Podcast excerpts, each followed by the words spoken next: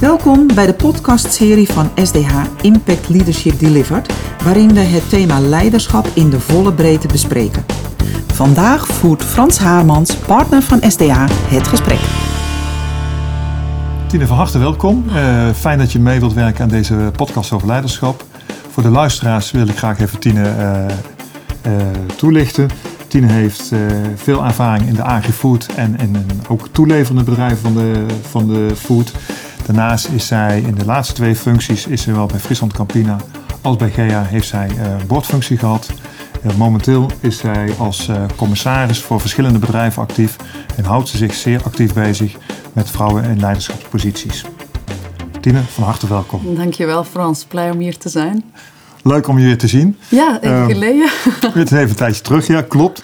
Um, Tine, je hebt een hele mooie carrière als uh, leidinggevende uh, bij, ja, heel veel verschillende bedrijven. We hebben elkaar leren kennen in de periode bij Nutreco. Vervolgens uh, bij Friesland Campina hier gevolgd en ook bij GEA. Wat, als ik mag vragen, wat heeft jou zo succesvol gemaakt als als leider? Um, een van de belangrijkste dingen voor mij in mijn leven is groeien. En ik denk dat ik steeds op zoek geweest ben naar groei. En dat bedrijven mij een platform boden om richting te geven aan bedrijven en, en bedrijven en bedrijfstakken um, in een groeifase te brengen. Ja. Um, het boeide mij om mensen te zien groeien, om zelf um, in persoonlijke ontwikkeling uh, uh, te kijken hoe ver ik kon komen hè, en hoe ver je dat kunt drijven. En dus ik denk dat wat mij succesvol gemaakt heeft een tomeloze energie is om op zoek te gaan naar Um, hoe kan het net weer iets beter? En hoe, hoe kan het net weer iets, iets mooier en iets verder en iets hoger en iets groter? En, en dus voor mij is denk ik groei het toverwoord. Oké.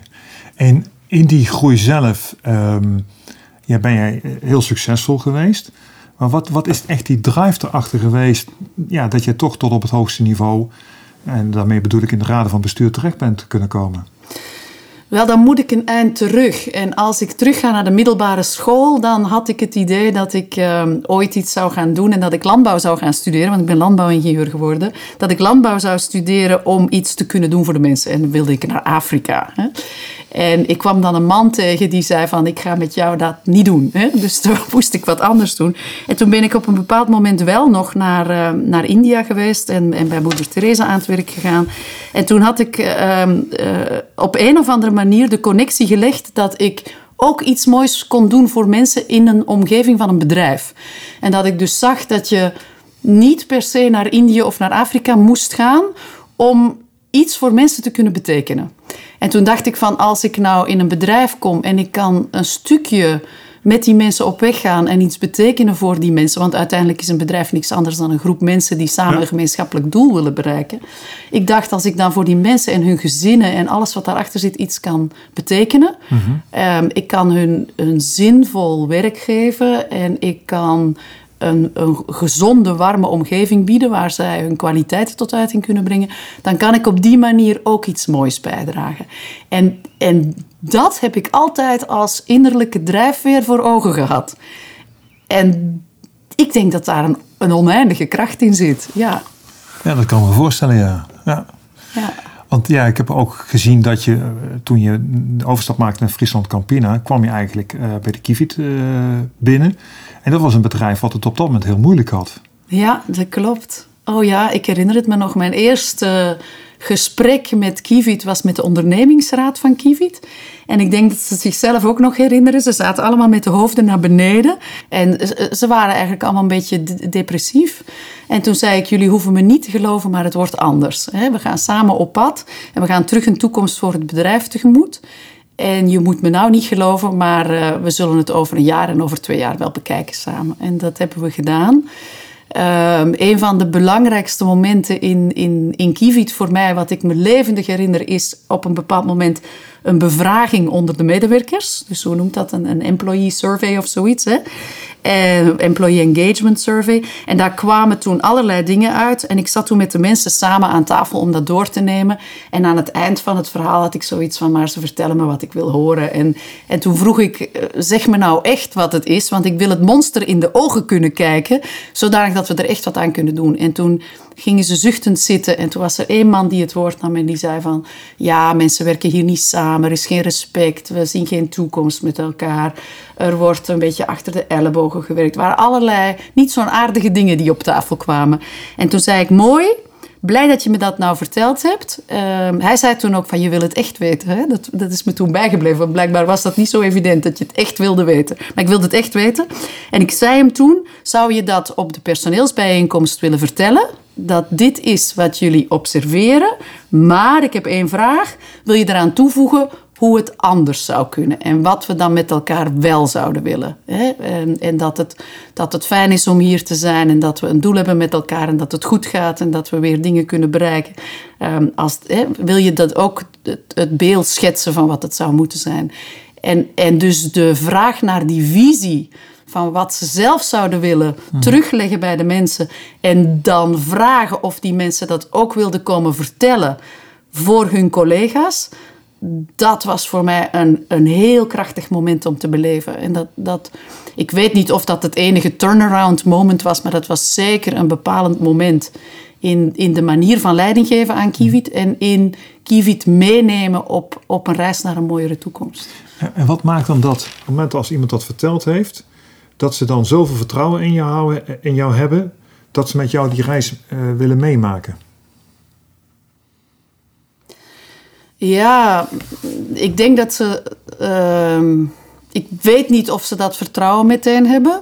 Ik denk dat wat ik dan op dat moment probeer te bieden, is een stuk duidelijkheid van waar de mogelijkheden liggen. En, en je biedt dat door aan de mensen zelf te vragen waar zij kansen zien en, en wat moeten we houden en wat moeten we veranderen. Mm en um, er is zo'n boek geschreven over de, de first 90 days of zoiets. Hè, en dat zegt dat je met dezelfde standaard vragen een hele diverse uh, groep mensen gaat, gaat uh, bevragen in een bedrijf. Dat heb ik ook elke keer gedaan. Bij elke nieuwe uitdaging heb ik de, de personeelsdienst gevraagd om een groep mensen samen te stellen die in principe representatief was voor het bedrijf. Verschillende nationaliteiten, lang in dienst, kort in dienst, mannen, vrouwen, alle functies, arbeidskrachten als uh, leidinggevende. En dat met een team vijftiental mensen en die dus dezelfde vragen voorleggen. En dan krijg je echt als leidinggevende heel snel een diagnose van waar een bedrijf zich op dat moment bevindt. En als je dat dan teruggeeft aan de mensen van dit willen jullie houden, hier zijn jullie blij mee, hier zijn jullie trots op mhm. en hier willen jullie stappen maken en je kunt dat dan kanaliseren, dan, dan denk ik dat mensen ook ehm, dat herkennen en daar een verbinding mee hebben en dan ook bereid zijn om mee te gaan op de verandering. En dat wil niet zeggen dat ze daar niet in tegenpruttelen of daar geen vragen over hebben, maar, maar ja, dan zeggen van we, gaan dat gewoon, we gaan gewoon die kant op met elkaar. Oké. Hoe zie jij, zeg maar, als je terugkijkt op je carrière, uh, als zeg maar, uh, actief bij bedrijven, hoe zie je het leiderschap zich heeft ontwikkeld, naar jouw mening? Dit bedoel je in de bredere zin? In de bredere zin, ja. Oh, wat ik, wat ik vaststel en wat op dit moment een missie is voor mij in mijn leven, is het feit dat ik zie dat heel veel um, leiding wordt gegeven vanuit meer mannelijke um, eigenschappen. En mannelijke eigenschappen, dan denk ik aan um, zeer besluitvaardig, focus, competitief. Um, en daar is niks mis mee, hè? want ik denk mm -hmm. competitief brengt dynamiek, brengt verandering, brengt innovatie. Dus ik heb heel veel respect voor dat soort eigenschappen. expertise. En ik denk dat we een beetje uit het oog verliezen soms het collectief, het groter geheel, het groter belang. Um, de, de, de sense of belonging. Mensen willen ergens bij horen, willen ergens veilig zijn. Um, en ik denk dat dat uh, overzicht, um, verbinden, dat zijn meer vrouwelijke kwaliteiten. En, en wat ik vaststel is, ondanks alle inspanningen om vrouwen in leiderschapsposities te, te faciliteren, mm -hmm. dat er toch nog steeds een norm is, een normering is op een, een, leider van een organisatie moet per definitie eerder voldoen aan die mannelijke leiderschapseigenschappen. En we zijn nog niet gekomen eh, tot een situatie waarin we gewend zijn dat iemand met vrouwelijke leiderschapskwaliteiten ook een hele goede leider kan zijn.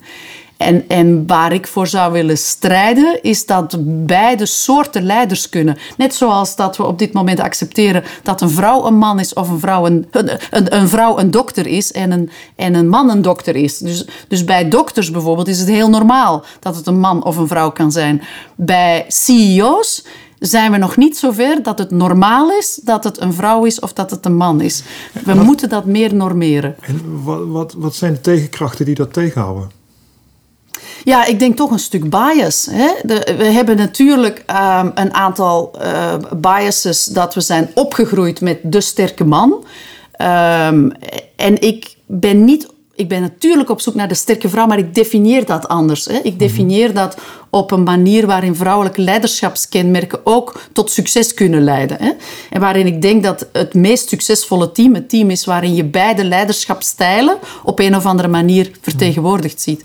Aan de andere kant zijn er ook praktische dingen. Hè. Een vrouw krijgt nog steeds uh, meestal kinderen. Hè. Um, dat, dat, dat is een biologie die, die iets met zich meebrengt. Uh, vrouwen kiezen ook vaak um, voor een ander soort carrière. Kiezen misschien sneller ook voor balans hè, tussen mhm. thuis en werk. Um, dus ik denk dat er een heel scala aan um, redenen zijn die enerzijds diep in onze biologie verankerd zijn, anderzijds in onze sociale conditionering zitten. En, en, en als we dan kiezen voor een vrouw, dan kiezen we vaak voor een vrouw met mannelijke leiderschapskwaliteiten. Dus er is ook nog een onderkenning van de kwaliteit van vrouwelijke leiderschapskenmerken, denk ik. En hoe heb je dat dan in je eigen carrière gedaan? Ik bedoel, je, je benadrukt ook heel duidelijk die vrouwelijke eigenschappen. Heb jij die altijd helemaal uh, tot, uh, tot zijn recht laten komen in, in jouw uh, manier hoe jij organisaties hebt aangestuurd? Nee, dat, dat is echt een zoektocht. En um, ik herinner mij ook heel helder een bepaald moment waarop ik op een training was, een, een leiderschapstraining in de Ardennen, vlak voor ik mijn eerste keer algemeen directeur werd. En ik moest dan zo'n test doen. Het was, op dat moment was het zo'n een, een, test, ik geloof een disktest, hè, dominant, influencing enzovoort. En daar deden ze verschillende profielen. Je, je zakelijk profiel en dan je, uh, je work mask, denk ik dat dat heette. En dan je profiel onder stress en je persoonlijk profiel. En uh, de oefening wilde dat dat bij mij zeer verschillend was. Dus mijn persoonlijk profiel was eigenlijk een beetje rustig op al die verschillende eigenschappen. En mijn zakelijk profiel was uitgesproken dominant en influencing. En dan mijn profiel onder stress was nog veel extremer dominant en influencing. Wat dus duidelijk mannelijke leiderschapseigenschappen waren. En toen ging ik het gesprek aan met die coach en die zei me toen als verklaring van dat geheel, je zou een zoveel succesvoller leider zijn als je je vrouwelijke kant wat meer zou durven inzetten. Nou, ik wist niet wat het betekende, uh, Frans. Dus daar is mijn reis begonnen. Um, en ik denk dat hij gelijk had dat ik, om mijn eerste carrière stappen te zetten, ik echt mannelijke leiderschapseigenschappen had aangeleerd. En misschien had ik er ook wel wat van. Hè? Uh, maar dat ik daar absoluut mee bezig was om, om dat dus uh, op te bouwen. En ik denk dat het ook fijn was om dat te hebben, hè, want je hebt dat in die zakelijke wereld voor een, voor een stuk nodig. Daar hebben we net over gesproken. Maar het was zo een reis om op zoek te gaan van wat, wat, wat wat ben ik dan als vrouw en wat is dat dan en hoe ziet dat er dan uit? En dan volgden er jaren van experimenteren daarmee en van onderzoek. En dan kreeg ik feedback. Ik herinner me ook nog feedback van een, een dame die zei van ja, als ik bij jou op kantoor kom en we hebben een één op één gesprek, dan kan ik alles met je bespreken. En, en het volgende moment zie ik je als een soort gefocuste killing machine door de company gaan met een focus om iets gedaan te krijgen waar ik bang van word. Hè? En dan dacht ik van oh jee, wat een enge feedback is dit. maar het is echt die, die, die zoektocht naar het integreren van vrouwelijke eigenschappen en mannelijke eigenschappen, als je die dan begint te ontdekken. En, en misschien ben ik nog steeds niet klaar, maar het, het is een reis. En wat zijn daar de cruciale momenten in geweest dat je toch hebt, uh, op een gegeven moment die vrouwelijke eigenschappen toch ja, meer naar voren hebt kunnen laten komen? Ik ik denk dat ik het geluk heb gehad dat je door goede resultaten te halen in het bedrijf en door een um, door hoge standaarden te hebben aan, aan je kennis, aan je interesse, aan de wil om dat bedrijf vooruit te brengen en die mensen vooruit te brengen, dat je daardoor ook veel leert. En ik denk dat het leren over polariteiten, het leren over mannelijke en vrouwelijke eigenschappen, dat dat, dat dingen zijn die mij op dat traject uh, geholpen hebben. en, en ik denk dat het echt, het is een slow process. Het Tine, wat, wat opvalt eh, als ik je zo hoor praten, is dat je zowel de, de mannelijke als de vrouwelijke kwaliteiten heel goed met elkaar uh, weet te combineren. En, um, en terwijl je eigenlijk in het begin van je carrière meer aan, die, aan de mannelijke kant zat, heb je op een gegeven moment ook die hele vrouwelijke kant verder ontwikkeld. Ja, dat is interessant. Ik heb toen iets geleerd over polariteit. En ik denk dat het van belang is voor, voor vrouwen, maar wellicht ook voor mannen, um, om, om meer te weten over polariteit. En um, ik heb ooit iemand horen zeggen dat um, gemeenschappelijkheid verbindt en laat mhm. samenwerken. Maar het is tegenstelling en polariteit die aantrekking geeft. En dat is denk ik belangrijk in, in de zakelijke context, maar ook in de relationele context. Hè. Dus, dus je hebt een, een spanning van het mannelijke en het vrouwelijke nodig, hoe zich dat ook uit en manifesteert, hè, los van gender. Maar je hebt dus een, een mannelijke en een vrouwelijke spanning nodig om aantrekkingskracht en, en interesse en avontuur te genereren, wat we allemaal nodig hebben. En aan de andere kant hebben we een gemeenschappelijkheid nodig om de vriendschap te hebben en de, en de ferme basis van waaruit we kunnen gaan, uh, gaan samenwerken. Dus er is iets van de spanning die je nodig hebt en er is iets van de veiligheid die je nodig hebt. En die twee die heb je, heb je te vinden in, in mannelijke en vrouwelijke leiderschapseigenschappen, maar die heb je ook te vinden in een, in een relatie privé. Ja, maar wat kunnen die mannen en vrouwen doen om zich daar echt uh, zich echt in te bekwamen of bewust van te worden van hoe dat spel eh, zo optimaal mogelijk gespeeld kan worden. Ja, daardoor, door daarover in gesprek te gaan met elkaar, door dat te benoemen, door te weten dat, dat er waarde zit in beide kwaliteiten, door die te kennen, door met elkaar te spreken over hoe uit dat zich mhm. hier. Is het oké om met de deuren te slaan? Is het oké om, uh, om een vrouwelijke emotie te uiten? Is het oké om een emotie te benoemen achter een beslissing bijvoorbeeld? hè? Mhm. Is dat oké? Um, uh, waarom zijn we steeds op zoek naar dat decisive competitief en minder naar dat overzicht en dat vrouwelijke? Omdat we de waarde daarvan nog minder onderkennen en benoemen. Dus meer voorbeelden van hoe dat waarde heeft gebracht um, onder het voetlicht brengen, denk ik dat ook relevant is. En dat misschien op een andere manier benoemen dan het vrouwelijk-mannelijk noemen omdat ik denk dat het vrouwelijk-mannelijk noemen, dat, dat geeft ook een soort um, scheiding. Jij wel en ik niet, of dit wel en dat niet. En je wil net, zoals je een team samenstelt met verschillende, met verschillende kwaliteiten, waarbij je zegt: ik heb operations nodig en ik heb sales nodig en ik heb uh, financiën nodig. Zo wil je dat ook op het gebied van, van leiderschapseigenschappen. Uh, een, een, team samenstellen, dat je die verschillende eigenschappen bij elkaar brengt. En dat je dus ook onderkent wat de waarde van die verschillende eigenschappen is. Dus ik denk door het bespreekbaar te maken en door ze meer te benoemen, maar door ook de kennis erover te vergroten. En door zelf als man of als vrouw op zoek te gaan naar net dat complementeren. wat zou je uh, vrouwen in leiderschap willen meegeven om ja, zeg maar, continu de stappen te kunnen zetten die ze graag zouden willen zetten?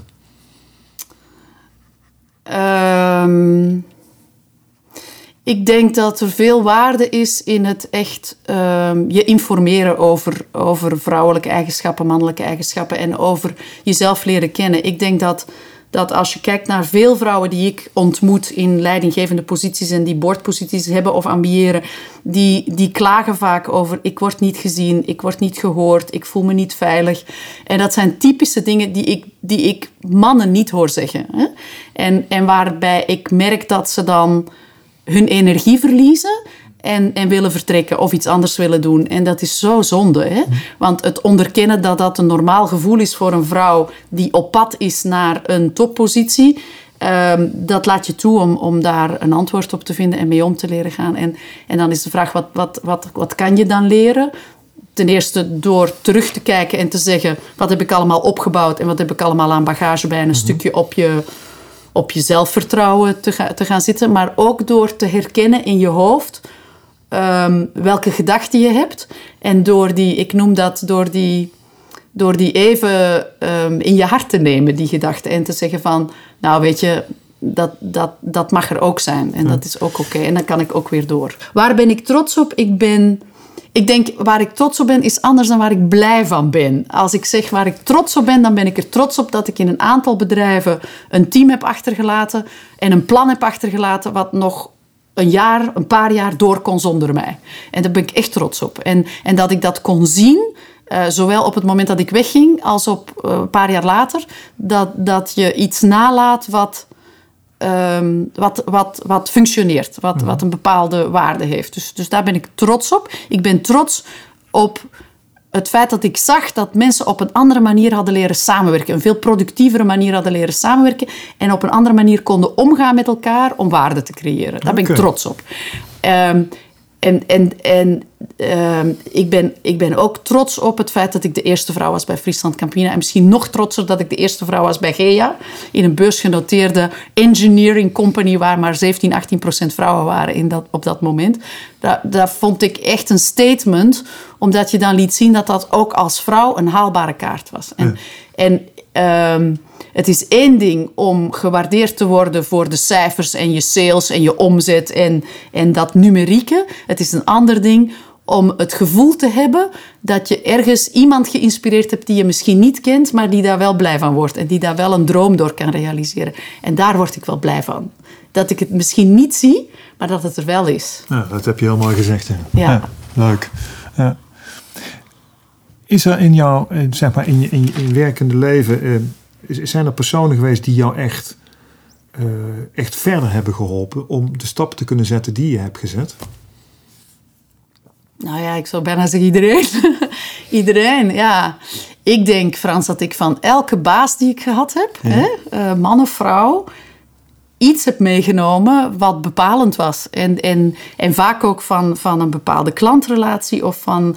Maar ik denk dat het belangrijkste is dat je, dat je ook leert vanuit ellende en miserie, vanuit moeilijkheden trotseren. Dus ik mhm. zou willen zeggen dat de moments of misery voor mij geleid hebben tot moments of magic. Hè? En dat dus vaak uh, moeilijke dingen leiden tot iets leren of iets moois. Nog een keer terug naar, je leert niet in je comfortzone. Uh, maar ik kan voor elke leidinggevende specifiek zeggen, daar heb ik dit van meegenomen, daar heb ik dat van meegenomen. Ik kan er ook voorbeelden van geven. Zeker, ja. En is er één persoon waar je zegt, goh, uh, je hoeft niet de naam te noemen hoor, maar dat, dat waar je zegt van, nou, daar heb ik echt dat hele specifieke van geleerd en dat heeft me echt verder geholpen? Nou ja, mijn ervaring um, helemaal in het begin van mijn carrière bij Moeder Teresa, daar was ik op een bepaald moment toch overweldigd door de grootheid van wat ik daar op hele jonge leeftijd meemaakte. En ik kon dat eigenlijk ook niet aan. Hè. En ik zat op een bepaald moment heel erg verdrietig op, op de trappen van, uh, van de plek waar ik logeerde. Um, omdat je daar in een omgeving was die veel te moeilijk was en veel te groot en, en, en, overweldigend. En daar kwam toen een jongen van El Salvador naast mij zitten en die zei van... Uh, wat, zit je hier, wat zit je hier ongelukkig te wezen? Kijk eens om je heen en kijk eens naar die mensen. Wie heeft dat vliegtuigticket gekocht naar hier? Wie wilde hier komen? Nou, het antwoord was ik. en, uh, en jij hebt opties en deze mensen hier niet. En, en koop een ticket naar Kathmandu, ga de toerist spelen of ga terug naar huis. Jij hebt opties, maar dat hebben deze mensen niet. En, en dat was zo een levensles. Ik ben nooit vergeten. Um, altijd als het moeilijk was, dan dacht ik... Ik heb opties, I have options. En dan zag ik Enrique weer naast me zitten op die trap. En dan dacht ik, I have options and I accept the consequences of my decisions. Ik kan een nieuw ticket kopen, ik kan blijven, ik kan een nieuwe keuze maken met de consequenties van de beslissingen die ik genomen heb. Dus daar zit een hele hoge mate van eigenaarschap in van de, van de beslissingen die ik nam. En als die slecht uitpakten, dan dat weer corrigeren en bijsturen. Wat vind je dat uh, leiders van nu en in de toekomst uh, nadrukkelijk nodig hebben om ja, te, kunnen, te, te kunnen overleven in deze wereld die uh, zeg maar ja, zeer onder invloed staat van hele grote krachten? Kijk naar, nou ja, kijk wat er op dit moment gebeurt met de energieprijzen, de grondstofprijzen, generaties die er anders in zitten. Ik ben heel benieuwd. Ik ben heel benieuwd in het kader van milieu en de toekomst van, van de aarde. Um, in hoeverre men aan de ene kant um, geloof ik heel erg in de wetenschap. Dus je ziet dat er steeds meer expertise komt om in kaart te brengen wat goed is voor de wereld. Aan de andere kant zie ik ook dat het ontzettend moeilijk is om zo'n probleem holistisch goed aan te vatten. Hè? Dus je ziet doorheen die waardecreatieketens dat het heel moeilijk is om op de juiste manier in te grijpen. En ik denk dat het, uh, het zou mij niet verbazen als we binnen x aantal jaar, binnen tien jaar, uh, bedrijven veel meer gaan waarderen op hoe zij um, in, hun, in hun milieudoelstellingen en hun sustainability pakket staan, dan op hun financiële resultaten. Mm -hmm. Dus ik denk dat we naar een andere balans toe moeten. En dat um, de wal het schip zal keren op dat vlak. En dan tot slot denk ik dat er een algemene maatschappelijke uitdaging zit op uh, het herdefiniëren van, van de sense of community en belonging. Je ziet dat de jongeren um, uh, via de digitalisering en het internet op een heel andere manier met elkaar verbonden zijn.